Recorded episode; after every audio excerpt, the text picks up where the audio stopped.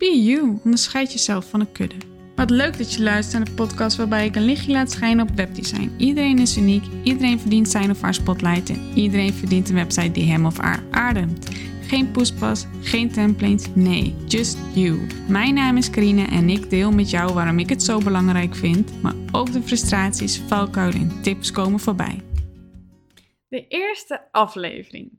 Nou, je kan je voorstellen dat ik best wel lang heb nagedacht over het feit wat wil ik deze eerste aflevering dan gaan vertellen.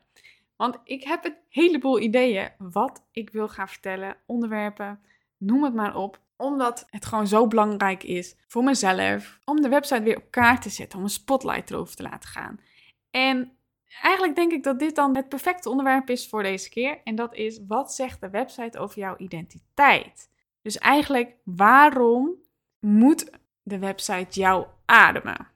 En voordat ik hier dieper op inga, want ja, wat betekent identiteit eigenlijk? Heb ik het even voor je opgezocht. Identiteit is dat wat uniek of eigen is aan iets of iemand. Ook wel eigenheid genoemd. Dus in ons geval, identiteit maakt jouw website ook eigen. Dus uitstralen wie je bent en waarom klanten voor jou moeten kiezen. Dus hen over de streep trekken met jouw website, doordat zij het gevoel krijgen dat ze bij jou binnenstappen. Of in huis, of gewoon recht in je ziel. Daarom geef ik bij mijn klanten ook altijd aan van we gaan samen zorgen dat de website jou ademt. Tonen wie je bent, waar jij voor staat en waar jij heen wil. Dus dat je de uitstraling van de website, dat die een rol speelt in het feit dat iemand wel of niet op de knop klikt om contact met je op te nemen.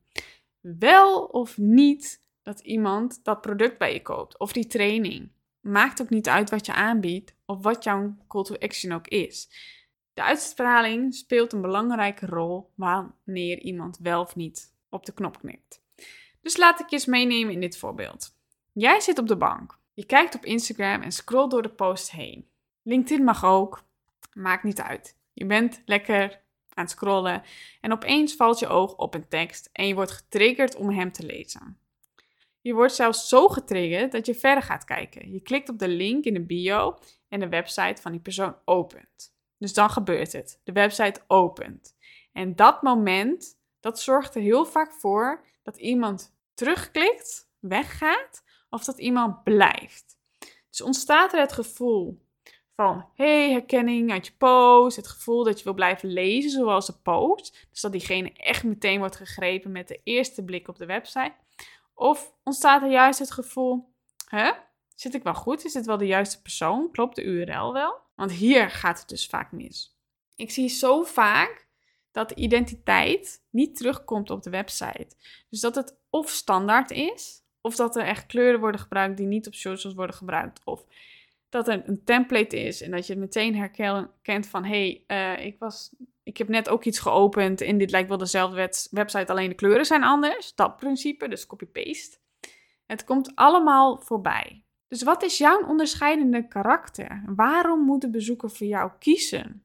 En is het trouwens niet zonde dat hij wordt afgeschrikt door je website? Ik bedoel, dat is bye-bye potentiële klant. En dat is toch heel erg zonde? Of ben ik dan verkeerd? Dat kan ook hoor. Het kopiëren, wat ook heel vaak gebruikt, is dus dat je niet je eigen identiteit toont. Je maakt gebruik van iemand anders identiteit, of ja, eigenlijk identiteit wel. En dat kan juist de reden zijn dat de bezoeker naar jouw conculega stapt, omdat je niet klinkt wie jij bent. Heel vaak neem ik dan het woord ook in mijn mond als mismatch, omdat die ontstaat. Je komt anders over in je post, op social media of in de calls dan op je website. Want het is heel vaak ook wat, ik, wat heel vaak voorkomt in de gesprekken die ik heb met mijn klanten, is ook dat ze dan vertellen: Ja, ik had een superleuke call. En uh, eigenlijk was diegene wel overtuigd. En dan wordt er aan het eind gezegd: Nou, ik ga er even over nadenken en ik kijk ook nog even op je website. En dat ik denk: Oh, nou, liever niet, want die is niet in lijn met wie ik ben. Of ja, eigenlijk wat we net hebben besproken staat er helemaal nog niet op. Dat kan ook wel voor dat, het kan al de eerste breukjes opleveren, zeg maar. En dat is heel erg zonde, want dat kost jou omzet. Heb je daar alles bij stilgestaan? Want wat kost de website je nu? En wat kan de website je opleveren wanneer je inderdaad een goede website hebt die ademt wie jij bent? Want iedereen is uniek. Iedereen heeft zijn eigen krachten. Iedereen en elke onderneming is uniek. Dus laten we samen eens kijken. Wat kost de website je nu? Allereerst, kom je niet over zoals jij bent. Dus bezoekers ervaren niet het gevoel van herkenning wanneer ze al een keer met jou in gesprek zijn geweest. Of dat ze wanneer ze al een keer op je socials hebben gekeken in het onderzoek. Ten tweede kan het ook best wel zijn dat je helemaal geen eigenheid deelt. Dus uh, als voorbeeld pak ik even leuke feitjes die je kan delen. Of even een paar leuke woordspelingen die je laat zien op je website. Iets wat echt iets over jou zegt. Dus waardoor mensen misschien wel het extra setje krijgen om voor jou te kiezen. Denk bijvoorbeeld aan Formule 1. Ik ga elk jaar een weekend met mijn broertje weg en dat koppelen we altijd aan een Formule 1 match. Match. Niet het goede woord. Race. Mooi, voetbalmatch. Um, Formule 1 race. Dat kan dat stukje zijn wanneer er meer mensen fan zijn van Formule 1. Elke keer op zondag de race kijken. Dat ze voor mij kiezen. Omdat zij ook die verbinding hebben. En als derde Trek jij eigenlijk wel de bezoekers aan met wie je in zee zou willen gaan? Want klopt de doelgroep die de website bezoekt wel? Want het kan natuurlijk ook zijn dat de mensen op jouw website komen niet via de andere kanalen, maar gewoon via Google of via Bing, via een zoekmachine. En klopt het dan wel, wat daar, als die mensen op jouw website komen, ook de bezoekers zijn die jij wil dat op jouw website komt? Want trek je dan de goede klanten aan of niet? Want dat kan jou ook geld, tijd en energie kosten elke keer krijg je weer dat mailtje van: hey, ik wil graag met jou uh, in C in verband met dit en dit.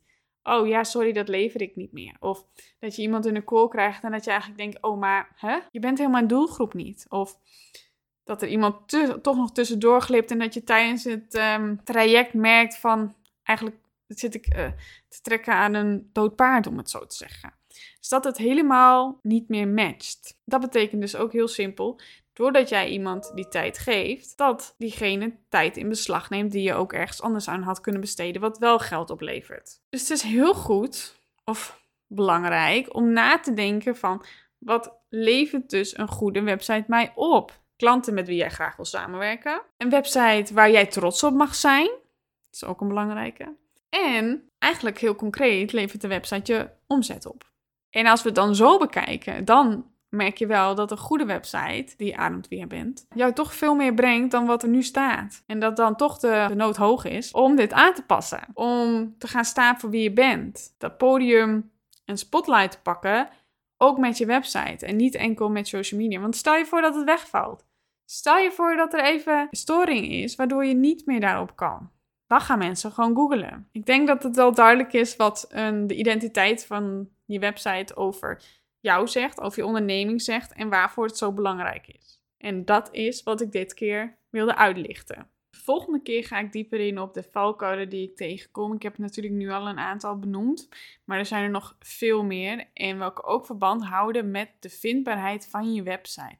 Dus hoe kan je er dus voor zorgen dat je wel wordt gevonden en dat het ook constant blijft, omdat de fout vaak zit in het ja, wat zal ik zeggen? Zal ik al iets verklappen?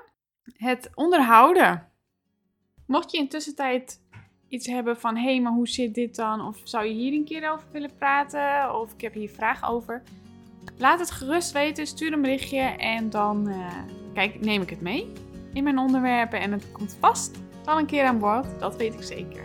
Ook wanneer je het niet zou zeggen, maar het is altijd goed om het te melden.